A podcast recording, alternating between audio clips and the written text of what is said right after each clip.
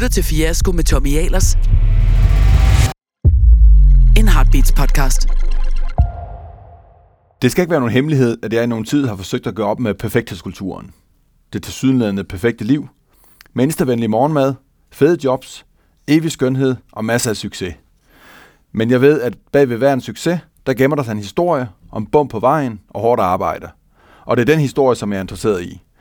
Derfor har jeg inviteret en række gæster til en snak om netop det. Velkommen til Fiasko.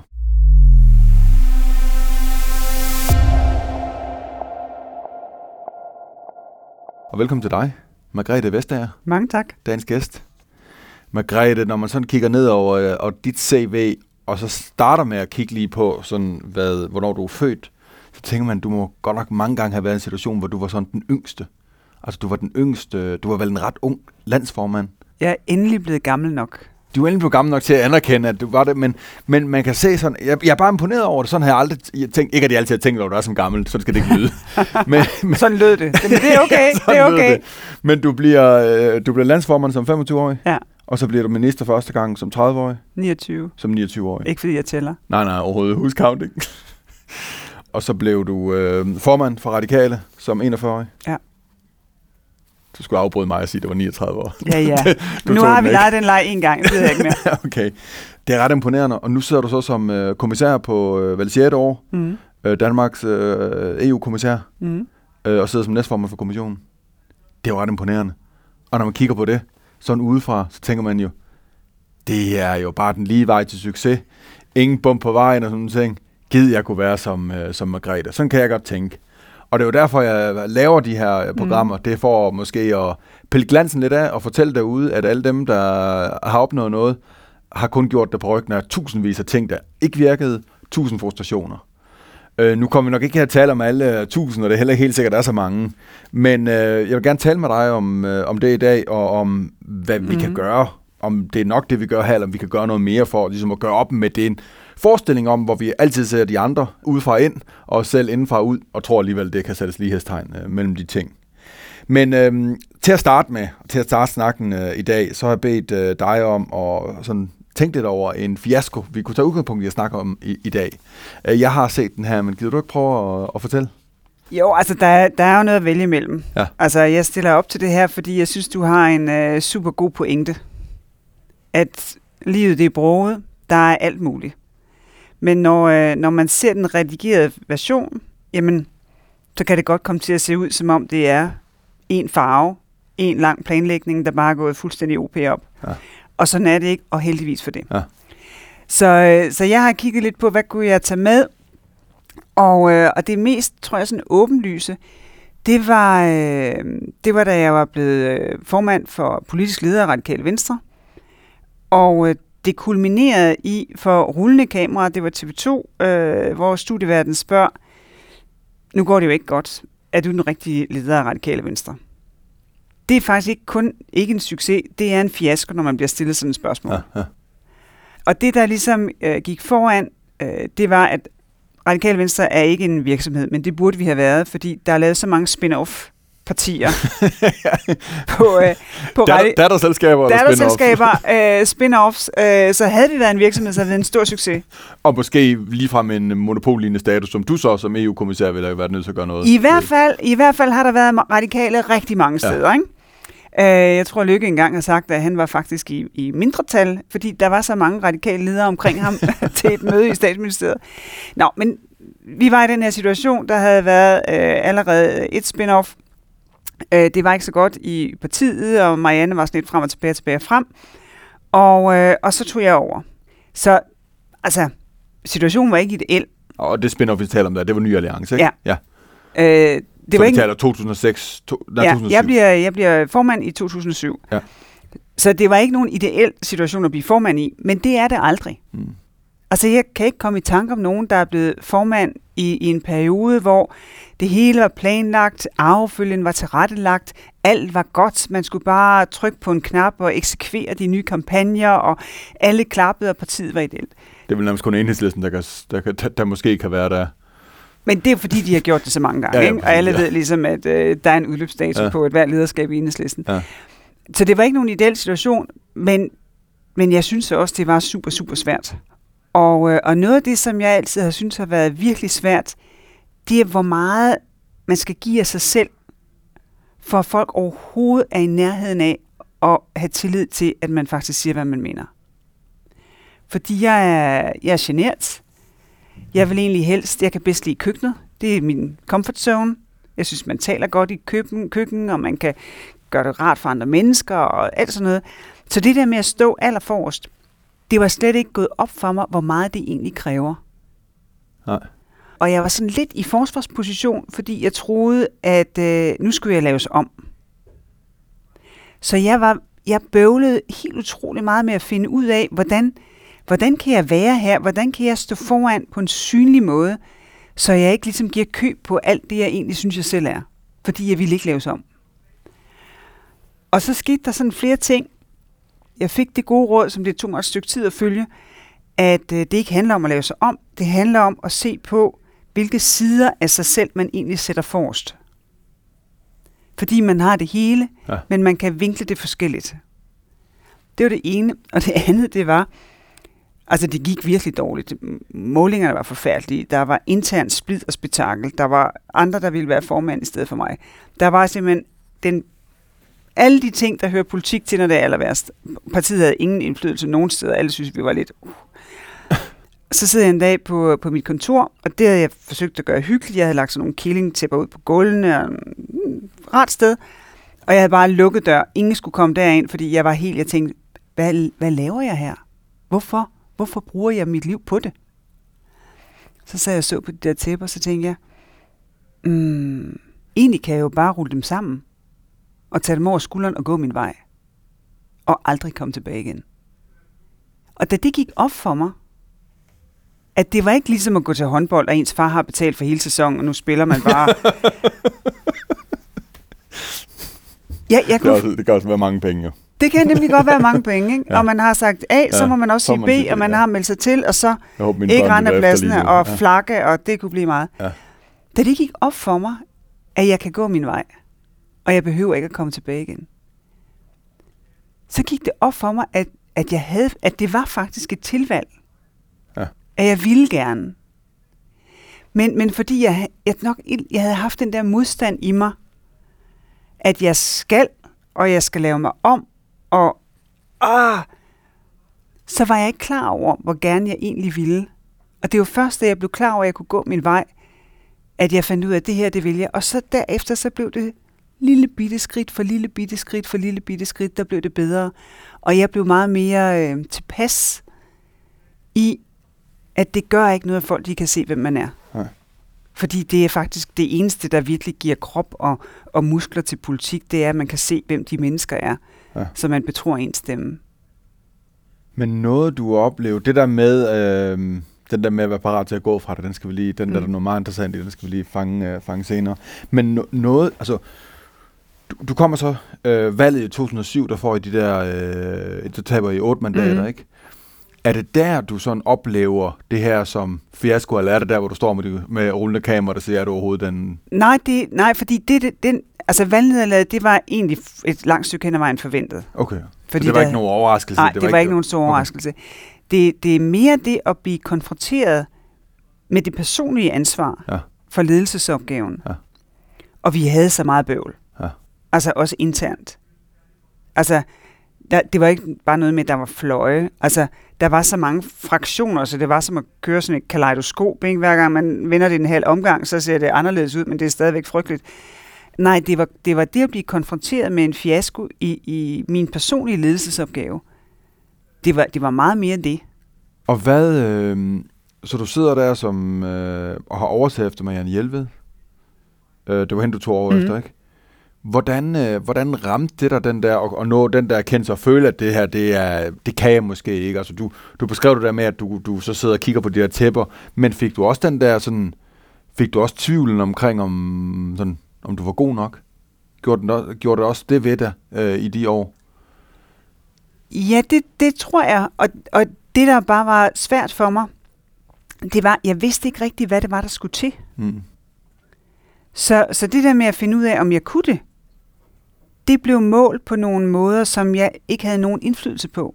Fordi din politiske succes, den bliver målt på, øh, har du parlamentarisk indflydelse? Og det er jo noget, mandaterne i Folketinget øh, afgør. Den bliver målt på meningsmålinger, som er påvirket af mange, mange, mange forskellige ting. Og så er det selvfølgelig, hvordan, øh, hvordan fungerer det i forhold til bagland, og i forhold til grupper, og i forhold til medarbejdere. Det var, det var svært for mig at finde ud af, det jeg kan, hvordan, hvordan måler det op imod de forskellige ting, som jeg bliver målt på. Og så vendte jeg det selvfølgelig ind, og jeg tænkte, det kan da godt være, at jeg ikke har det, der skal til for at, at gøre det her. Det ja. kan da godt være, at politik er noget andet, end det, jeg ville ønske, det var. Ja. Og så skal jeg også lave noget andet. Ja. Følte du i den rolle, fordi man er vel også i, det er man jo mange steder, man, det kan være, man er valgt som, som direktør et sted. Nu, jeg har jo drevet min egen virksomhed, mm. der føler ligesom, at, at jeg havde et mandat, som jeg har givet mig selv. og det var en anden situation, end at føle et mandat, man har fået nogle andre. Du har, du, land, du har både prøvet at være altså, landsmødevalgt, og så mm. du har valgt af en folketingsgruppe, da du så blev politisk leder. Følte du en eller anden... Øh, gjorde det noget ved dig i forhold til, at, at du, det var sværere at være i rollen, fordi du synes, du skyldte dem en masse og skulle repræsentere alt muligt? Altså, kan du følge mig? Ja, øh... jeg kan sagtens følge. Og, øh, og det er faktisk en super god pointe, fordi tit så, øh, så i politik, så kommer man jo, man jo med et mandat. Mm. Der er nogen, der har vist dig tillid. Og, og en, en tillid, som... Det, det, er, det, er, det er fantastisk. Og det er fantastisk at blive vist tillid på den måde. Ja, ja. Men det gør også, at, at der er grænser for, hvor meget du ligesom så kan give dig dit eget mandat. Ja. Fordi det bliver lidt et samvittighedsspørgsmål. Du er hængt op på, på, øh, på den proces, der har gjort, at du er der. At du er valgt.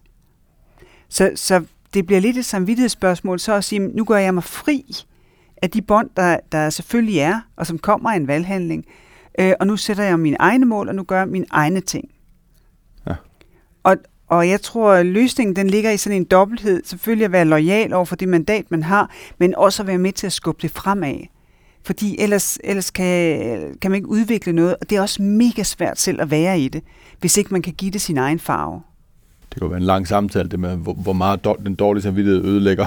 Det kan vi sikkert tale om både forældreskab og alle mulige andre steder, hvor vi tør, og, og, tør at være den. Men, men øh, det, at du så fik, altså havde du før, den periode før også, fordi du, du havde jo ikke noget det, du nåede, altså på det tidspunkt i livet, hvis du ikke var stræbsom. Mm. Hvis du ikke havde noget, du havde ambitioner og sådan ting. Havde du før det her også oplevet ting, som du skulle prøve, men ikke lykkedes? Altså på den samme skala? Eller var det her første gang i en alder 39, hvor du sådan på den helt store skala stod der og følte ikke helt, du kunne? Jamen, der, der har været tusind og to ting øh, undervejs. Ja. Men jeg tror, noget, noget af det kommer fra sådan en meget tidlig oplevelse af, at man må kaste sig ud i det. Ja. Jeg, jeg er for eksempel musikmatematisk student, og det er faktisk skørt, fordi jeg spiller meget, meget dårligt klaver, og jeg synger heller ikke godt. Øh, jeg havde ingen rigtige forudsætninger. Øh, så egentlig så skulle jeg have været matematisk samfundsfaglig, som det hed dengang. Men så var der det der, og så tænkte jeg, det må prøves. Ja. Og de andre var super dygtige, de sang fantastisk og spillede alle instrumenter. Men jeg havde sådan en idé om, at matematik og musik, der må være noget i det, der passer sammen. Der må være nogle systemer, og der må være noget et eller andet, der er interessant her. Så det kastede jeg mig ud i. Og, og det gik da godt nok til, at jeg kunne komme på universitetet med, med det snit, jeg fik. Men, men, men det var sådan lidt, hvad er det værste, der kan ske? Ja, præcis. Og her det værste, der kan ske, det er, at jeg kommer til at stå og spille bas, når vi laver samspil, og det gjorde jeg så. Men jeg lærte helt utrolig meget af det. Og det samme, da jeg arbejdede i Finansministeriet, vi sad, øh, det var øh, ikke særlig øh, meget prestige, det var det, man kaldte de tosifrede kontorer, så hvis man godt, så var man slet ikke noget ved musikken. Øh, vi lavede øh, overenskomstforhandlinger, det var før moderniseringsstyrelse og alt det der. Hvorfor, jeg skal lige, hvorfor kaldte man det tosifrede kontor? Ja, det var fordi, det var kontor nummer 10, 11, 12 og så videre. Nå, okay, jeg tror du var karaktergennemsnit, vi nej, nej, nej, nej, nej, det kan godt være, Finansministeriet var helt derude. Ikke, overhovedet ikke. Øh, så vi sad nede ja. i, uh, i Bredgade, og så kommer den daværende landsformand øh, og siger, jeg er i København, skal vi drikke en kop kaffe? Jeg siger, ja, det kan vi godt. Så siger hun, jeg går af, og jeg vil gerne have, at øh, du stiller op for at prøve at blive min afløser. Pff, tænkte jeg så, jeg var lige blevet færdig med min uddannelse, jeg har lige fået mit første job. Øh, jeg var ikke fyldt 25 på det tidspunkt. Det, det, er måske, det er måske alligevel at strække lidt vidt. Men så tænkte jeg også, tænkte, hvad er det værste, der kan ske? Det værste, der kan ske, det er, at jeg taber den afstemning, Hmm og det vil såre min forfængelighed, men det overlever man. og så snakkede jeg med min kæreste om det, og det ene med det andet, og så stillede jeg op. Og jeg tror, den der øh, lidt uforfærdighed, der kom af, at det værste, der kan ske, det er, at jeg taber. Det, det gjorde jeg vandt. Men er det ikke derfor, nu er vi tilbage til det, du egentlig indser, når du sidder på dit kontor øh, og tænker, jeg kan jo bare rulle de der øh, tæpper sammen og smutte igen. Sådan lidt øh, den der scene fra Heat, hvor man skal kunne forlade det hele på 60 sekunder. Ikke, ikke fordi det er kriminelt at være i politik, men der er en, en alligevel en smuk analogi over til det. At der er der jo en eller anden dobbelthed i det, som du også beskriver, der er ikke, at man både skal være parat til at sige, jeg smutter, og så også gøre sig umage og kæmpe nok for det. Fordi du er jo ikke, mm. at man, at den, den, når du indser det der, så tænker så er det også lige meget. Jeg behøver ikke at læse de notater.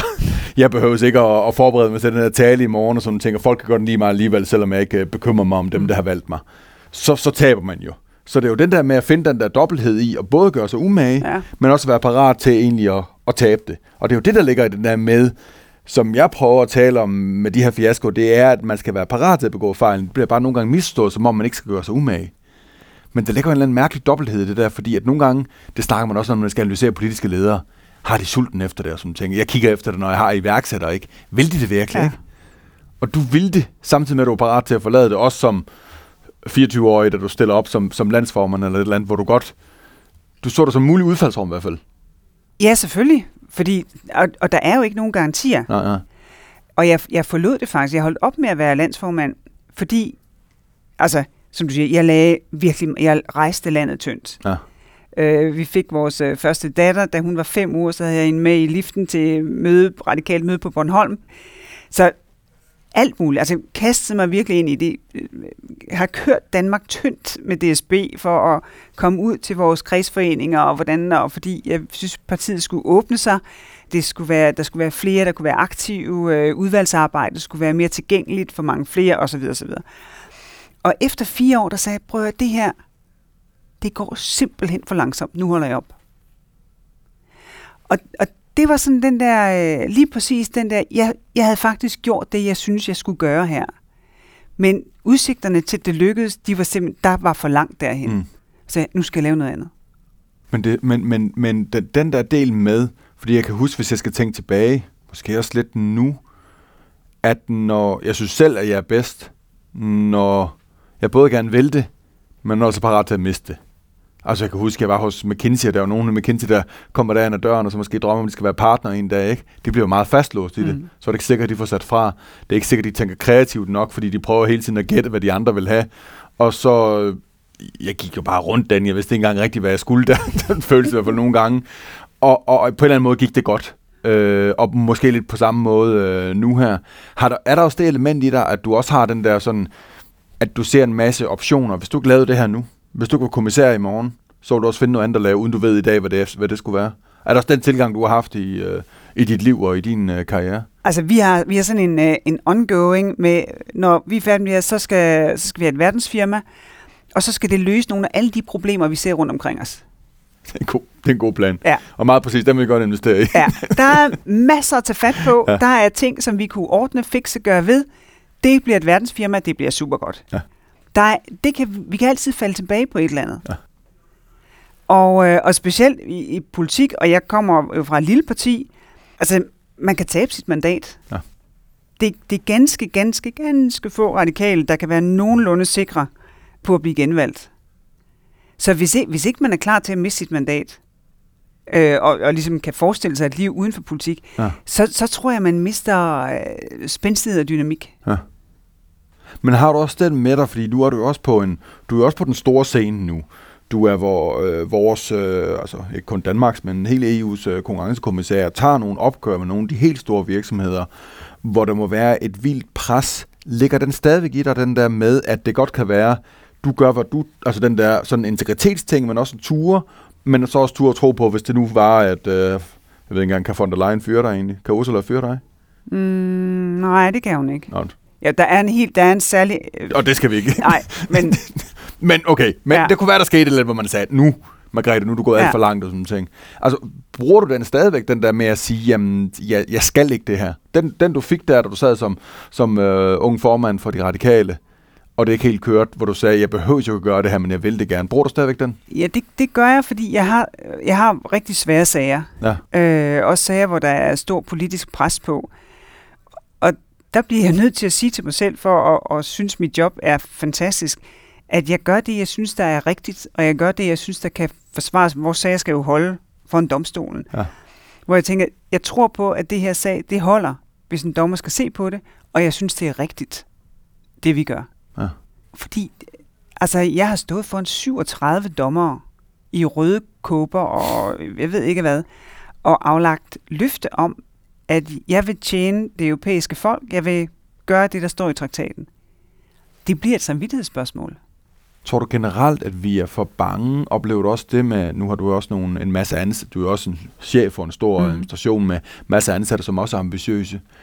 Er balancerne sådan generelt, hvis du kigger på den, også sådan nogle high-performing jobs øh, i kommissionen, er balancerne rigtig nok i forhold til ønsket om at gøre noget, gøre en forskel, også over for den der lidt en personlige, jeg vil også noget, og jeg, jeg er lidt bange for, hvad folk omkring mig synes, og for jeg skal jo gerne øh, kunne lide sig min chef, eller min vælger, eller mine kunder, eller mine øh, venner, eller et eller andet. Altså fylder det for meget, hvad andre tænker, i forhold til for eksempel det der rene, om at sige, at jeg skal opnå noget nu her.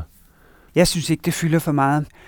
Og nogle af, af, af de teams, som, øh, som jeg arbejder med, som, som kører de her store sager, de bliver jo konfronteret af advokater, som tjener 10 gange så mange, meget, som de gør. Ja. Og de er 10 gange flere, mindst, til at, hvad skal man sige, at være deres modparter. Ja.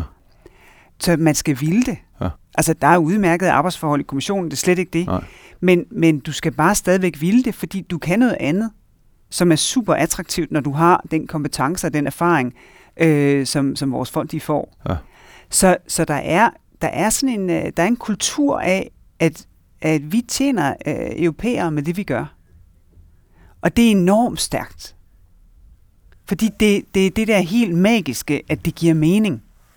Er den, er den, nu har du også prøvet det mange år så at arbejde med, med folk i den danske centraladministration. Og den, bare for at sige det er, helt ærligt, den er jeg, den er jeg, jeg har det samme. Jeg er lige så imponeret over det, du beskriver mm. der, af den danske centraladministration også. For der er også mange folk, der går tjent meget mere Ja. andre steder, men de har en eller anden idealisme i, i det, de gør. Er det, er det på samme niveau? EU og så øh, den danske cen- centraladministration, eller? Ja, det synes jeg. Ja. Jeg synes, øh, jeg har jo, jeg har, jeg har selv arbejdet der. Øh, Jeg har været øh, både undervisnings- og kirkeminister, jeg har været økonomi- og indrigsminister, så jeg har haft masser med det at gøre. Vi har lavet finanslov sammen med, med Bjarne, arbejdet tæt sammen med Finansministeriet også. Jeg synes, folk er super, super dygtige. Ja. Det, der er, er et notch op i, i kommissionen, det er, at der er så mange forskellige nationaliteter. Så du skal også have en kultur, hvor alle kan være der.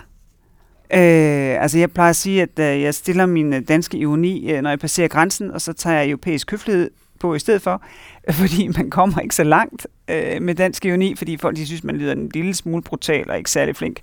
Det er vi jo sådan set heller ikke. øh, så man skal ligesom, altså der er, der er drysset noget ud over, som, øh, som øger sværhedsgraden, men som også gør, at, at, at det, er, det er et meget interessant sted at være, fordi der er den der dedikation, Ja. selvom man er så forskellige fra hinanden som kolleger, og selvom der vidderlig er meget, meget stor forskel på at leve i, i Danmark og i øh, Bulgarien og i Portugal.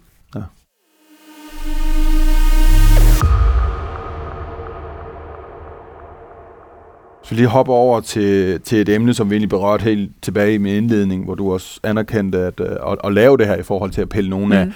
hvad skal man sige, øh, pille noget af sløret af, og, og sige, at, øh, at, at dem, der opnår noget, også gør det på, på ryggen af alle mulige ting, der ikke fungerede.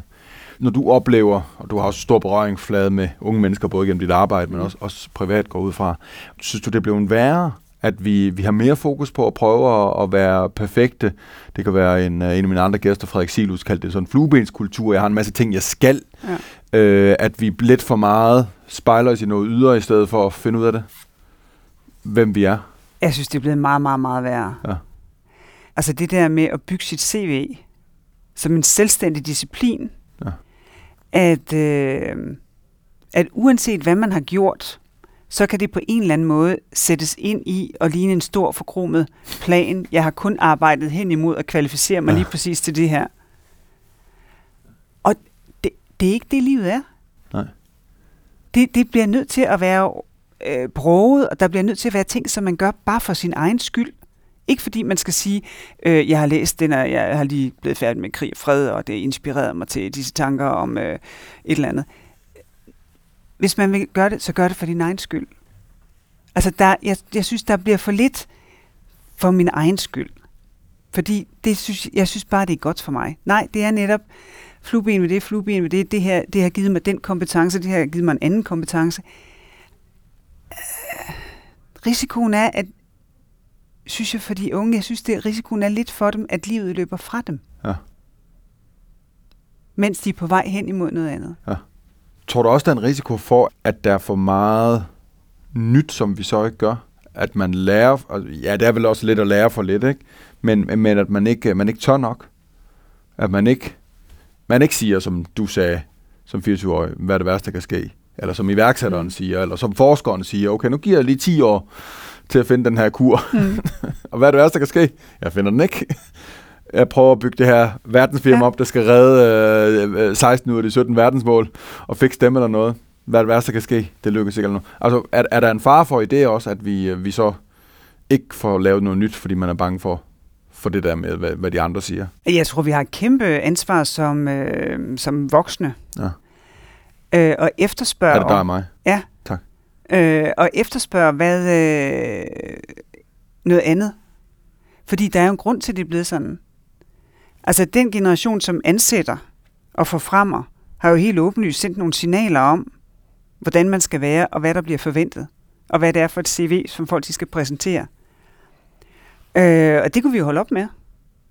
Altså, man kunne jo lave optagelsessystemerne til universiteterne om.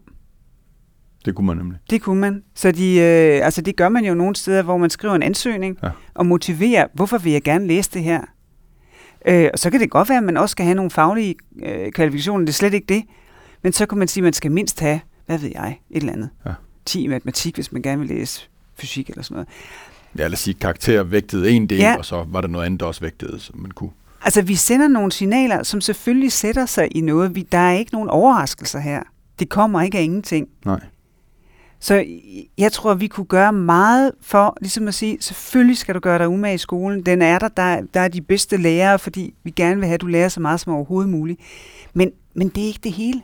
Men tror du, tror du, det er hele forklaringen, at, hvor, at det er vores professionelle arbejdsliv, vores uddannelsessystem, der gør det? Eller tror du også, det har noget at gøre med måden, vi jagter en eller anden form for anerkendelse på sociale medier, eller spejler os i nogle andre på sociale medier? Instagram. Ja, altså sociale medier, det er jo ligesom en lang version af fucker med din hjerne. Ja. Og det tænker jeg på næsten hver gang jeg selv er på sociale medier. Vær nu opmærksom på, hvor det er, tricket er henne. Fordi der er et trick. Fordi ellers så kom man der ikke hele tiden. Så spændende er det ikke. Altså det der med, at man bygger også på nogle biologiske, øh, sociale mekanismer inde i os alle sammen, som gør, at vi er hugt på det. Og det, det, det synes jeg er negativt. Ja. Fordi de, øh, hvis man har noget, som ikke har de der forskellige belønningsmekanismer indbygget i sig, jeg tror, hvis man sammenligner, tænker igennem, hvad bruger jeg, hvad bruger jeg ikke, så vil man se, at man, man bruger tingene med belønningsmekanismerne i meget, meget mere. Og det er jo, fordi de er lavet til at fange vores opmærksomhed. Fordi vi bliver et produkt. Men tror du ikke også det, fordi nu snakker vi sådan den professionelle fluebenskultur, jeg skal Mm. opnå nogle ting for at bygge mit CV. Men tror du ikke den der, at der er en analogi fra at bygge sit CV professionelt, så til at bygge sin personlighed op, altså at, at sociale medier går det ved en, at man skal prøve at ligne noget og gøre noget og, og være noget, som man måske ikke er, men det skal se rigtigt ud. Det, det, jo, altså, det, mit eneste øh, sådan, godt være uenig med mig. arbejder bare i den forbindelse, det er, hvem tror på, at det er sådan? Altså, pigen på fotoet ligner jo ikke pigen på fotoet, det ved enhver. Ja, men hvis vi nu legede lidt, at det der du siger med, at uh, fucker med din hjerne, det alligevel sætter sig lidt, fordi rationelt ved vi det jo godt. Jeg, jeg, kan- jeg kan tage mig selv i Mm. og tænke, nu burde jeg nok også snart tage, tage, tage mine børn med ud på en blå planet. For alle de andre er på den blå planet hele tiden. Men det er fordi, de, de kun lægger billeder op, når de er på den blå planet. Altså, Ja. de lægger jo ikke billeder op, når de bare har siddet derhjemme en hel dag og kommet til at arbejde lidt for meget, og, og børnene fik lidt for meget iPad eller noget. Det er der jo ingen, der lægger billeder op af, fordi altså, det der med, at vi kun ser hinanden i snapshot, altså det der udefra, mm. udefra ind. Tror du ikke, der er noget med det? Både for unge og for de voksne. Jo, men jo, det har du ret i. Der er noget i det for os alle sammen. Men det er jo også lidt... Det er jo ligesom Borgen. Altså, Borgen er jo egentlig et ret godt portræt af dansk politik. Men de har jo fast forwardet på alle de kedelige ting. ja, jeg, det. jeg troede nemlig, det ville være som bogen. Ja, Og nu har jeg været derinde i to og et halvt år. Det er slet Ej, ikke så sjovt. Altså. Det det er, det. Men, men, men, fuldstændig falsk vareerklæring. men, men hvis du Hvor er virkelig, Sisse? hvis man bare, hvis man bare skærer, hvad skal man sige, nogle af de meget lange perioder, hvor der simpelthen ikke sker noget, og de meget lange forhandlinger og alt det der, så ville det være ligesom Borgen. Ja. Og det er jo også det, sociale medier er. Det Ja. er, at vi skærer lige præcis alt det, som, som findes i alle menneskers liv. Ja, Det har vi jo på en eller anden måde skåret væk, fordi ja, det er der ikke nogen, der gider at se Nej, på. nej. Har, har du, eller øh, kommissionen, en rolle i forhold til den del omkring sociale medier, hvordan de er designet, og hvordan de måske fucker med din hjerne? Øh, I hvert fald et stykke af vejen. Vi kommer med ny lovgivning her lige om lidt, som skal give øh, platformen et, et øh, andet ansvar for, hvad der faktisk øh, bliver bragt. Sådan at ting, der er ulovlige, faktisk bliver fjernet. Og at de generelt ligesom forsøger at forholde sig til, hvad foregår der på vores platform. Altså man generelt ligesom vurderer, er der en risiko for, at, at det vi laver her, det bliver brugt til at manipulere med et helt demokrati måske. Og hvis man siger, okay, det er der sådan set en risiko for, så skal man gøre noget ved det. Men, men ligesom vi ikke frelægger os, hvad skal man sige, sådan et systemansvar for at gøre noget, så kan det heller ikke virke, uden at vi også selv gør noget. Mm. Altså det er lidt ligesom med Altså klima. selv ja, ja, ja. det er ligesom med klimaforandringer. Ja, Ja, vi skal ja. ja. have øh, olieaftaler, vi skal have nye energisystemer, og vi skal have et digitaliseret øh, grid. Men vi skal også selv sortere vores affald. Ja.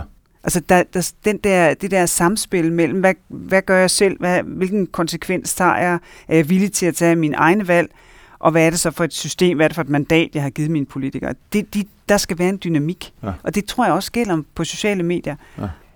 Altså jeg, jeg bruger konsekvent aldrig filtre, fordi jeg synes, det er snyd. Og jeg tager selv mine billeder, og jeg laver selv mine opslag. Fordi hvis ikke det er, hvis ikke det er mig, hvad skal folk så bruge det til? Jeg ved, om alle gør det. Det gør de ikke, det kan jeg love dig. Jeg har en gang imellem, en sjælden gang, fået hjælp, når det går lidt stærkt. Men du har ret. Det var en god pointe. Jamen, jeg kan da godt få en inspiration til nogen, hvordan skal jeg formulere det her? ja, ikke? Præcis, ja. Det er jo slet ikke det. Men, øh, men, men det er mig, der gør det, fordi altså, derfor så bliver det ikke til ret meget. Øh, så jeg har meget stor respekt for dem, der tweeter meget. Jeg forstår ikke, hvordan de har tid til det. Men Nej, ikke dem, dem, dem, der så går ind i diskussionerne, ikke? hvor jeg tænker, what? Altså, hvad, havde du ikke noget andet? Var, har du ikke set The Crown er kommet øh, fjerde sæson? Altså? Et eller andet. Hvilken verden lever du i, altså? Ja. Men, men det, det er igen det der med, hvordan kan man selv være i nogle ting? Ja. Fordi for mig, det jeg har lært de der gange, hvor tingene var ved at, at gå galt, det er, at, at hvis det bliver glat, og hvis jeg ikke selv synes, jeg bidrager, altså mig selv, mig selv med mine fingre og mine tanker og det, jeg gør, så forsvinder det. Ja. Så bliver det til ingenting. Ja. Det er et personligt anlæggende.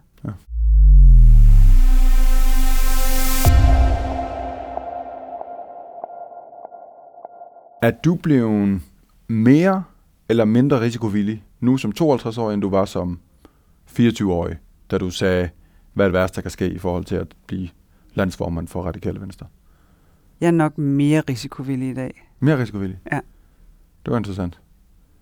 Jeg tror, at mange vil svare, når man har opnået noget, at så er der også mere at miste. Sådan har du ikke. Jamen, jeg har altid kunne miste det hele. Øh, Hvad med arbejde, magten? arbejdsmæssigt. Du har før udtalt dig om magten, at man skal være sådan bevidst og sådan ting, så den ikke stiger ind til hovedet, men du har magt. Vil du godt kunne tåle at miste magten? Altså, det- vil gøre super ondt. Altså, ingen tvivl om det. Ja. Altså, det der, telefonen holder op med at ringe Ja, ja, ja. komplekset. Ingen tvivl om det. Men det, jeg har bestræbt mig på, det er, hvad skal man sige, at have et liv. Ja. Altså, at gøre ting, og, og have roller, som jeg kan gå ind og ud af. Fordi jeg har set, hvordan mennesker, som, som kun har én rolle, den bliver taget fra dem, hvordan det så smuldrer. Ja. Fordi så er der ingenting tilbage. Nej.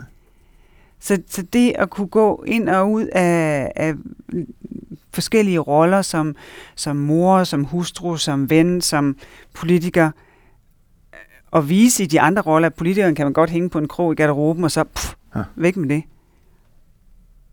Fordi på et tidspunkt, jamen, så er jeg jo ikke i de her positioner længere, og så kan der stadigvæk være 30 år tilbage i mit liv. Den tykker jeg lidt på, fordi jeg kan godt mærke, at uh, det har du også prøvet. Politik kan også sluge alt. Det Fordi Ja. man føler både den verden, og så synes de andre, den er sandt, den verden. Så man kan aldrig gå hen et sted, hvor folk ikke til en start, især folk, du ikke kender, synes jo, det er vildt interessant, fordi de har lige set det, der sker, og det berører dem og sådan nogle ting. Ikke? Og det gør man i alle situationer.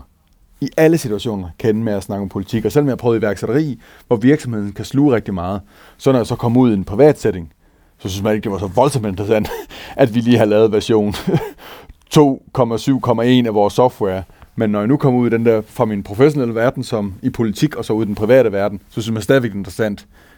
Mink-sagen, olieaftalen, hvad sker der med et eller andet internt, alt det der ting, ikke? Men der er stadigvæk mange, mange, mange, mange mennesker, for hvem politik fylder ingenting. Dem prøver jeg stadigvæk at mødes med en gang imellem. Eller for hvem det kun fylder en itzy bitzy bitzy tiny del af deres liv. Og du, har du formået gennem, hvad, øh, nu skal jeg lige regne ud, 25 år øh, øh, Jeg har været i politik? forfærdelig. Altså, jeg har talt så meget om politik, og jeg har sagt til mine venner, at jeg skylder jer en kollektiv undskyldning. øh, men det er gået mere og mere op for mig, hvor, hvor lidt politik fylder. Og, og hvor, øh, hvor opmærksom jeg skal være på, at det heller ikke får lov til at fylde alting hos mig. Altså det der med at, at have nogle andre ting at gøre. Ja, ja. Fordi øh, ellers bliver man også bare en kedelig samtalepartner. Ja. On that happy note. og en lille advarsel fra Margrethe Vestager, om jeg skal passe på, at jeg ikke bliver, øh, at jeg ikke bliver kedelig. Hvis du havde et, en ting, du sådan ville foreslå, vi kunne gøre, enten som individer, altså som samfund, som, som politikere på hver, øh, hver vores sted, i forhold til det der med at måske at gøre lidt op med øh, den her perfekthedskultur, og få folk til at ture lidt mere, og tro på dem selv, og komme væk fra fluebindskulturen. Hvad vil det så være? Altså, jeg synes, det her det er en super god begyndelse. Altså, at, at tale om det. Ja. Og sige, at det her, det er sådan, jeg har oplevet det. Det er sådan, øh, jeg har gjort ting. Det er det, jeg tror, der skal til. Og så at vise, at man, øh, at man kan gøre mange ting, også selvom om man ikke har opfyldt øh, alle, Mm. sat flueben i alle bokse. Altså apropos det der med optagelsessystemer til ja. universiteter, at folk kan blive ansat, også selvom de måske egentlig ikke gjorde den uddannelse færdig, fordi så lavede de noget andet, og så lærte de noget andet i stedet mm. for at sige, men selvfølgelig kan du søge, det er de her erfaringer, vi forventer, men det er ikke nødvendigvis de her papirer øh, og de her gennemsnit, som vi forventer. Altså, at man, at man viser, at folk er At der velkomne. ikke er en ram, rammen er ikke særlig fast. Du har selv ansvaret for dit liv, og du behøver ikke at opfylde noget. Der er ikke en tjekliste for ting. Nej, og det eneste, som jeg synes, man skal ønske for andre mennesker, det er, at, at de finder noget, som de er passionerede om. Ja. Fordi passion er den stærkeste drivkraft, der findes. Yes. Og det kan være, det kan være i alle ting. Øh, jeg har en kollega, som, øh, som samler på fotos af hjertestartere. Og øh, ja, det, er, det er meget... Ja, meget, meget, vi, vi, er, vi er specifikke. vi er her. meget specifikke. vi er ude på halerne på ja. En bælkøb her. Altså. Men han er super passioneret om det. Han synes, det er fantastisk, fordi... Og det gør så, at vi tager alle sammen billeder af dem, når vi ser Og sender nogen. til ham. Og sender til ham. så jeg ved altid, hvor hjertestarteren er. Så det er en super god sideeffekt. Det, det er bedre end en af mine venners øh, børn, øh, hvad han 13-14 år nu, der tager billeder af hundelort. Ja, det er lidt mere konstruktivt. Lidt mere mere. konstruktivt. Øhm, men men det, er, det der med at finde et eller andet, ja. som kilder, og som man gør, og som man leder efter, og man tænker, ej, jeg må, have en, jeg må have en bog om det, jeg, vil, jeg må snakke med nogle andre om det, jeg må ind i et miljø, hvor de beskæftiger sig. Det synes jeg er noget af det største, man kan ønske for andre mennesker. Ja. Det er, at der er noget, man er passioneret om. Så kan råd er til alle helst. mennesker. Det eneste, I, har, I skal, det er mad, søvn og sex. Resten må I selv om. Find jeres passion. Altså, kærlighed kan faktisk matche mange af de der ting. Ja, det, maden. selvom man spiser for lidt, øh, sover for lidt og har for lidt sex, hvis kærligheden er der, så går det alt Så sammen. går det alt sammen. Så kærlighed og passion. Ja. Margrethe Vestager, tusind tak, fordi du gad være med i dag. Det var en stor fornøjelse. Tak for Det var det samtalen. nemlig. Selv tak.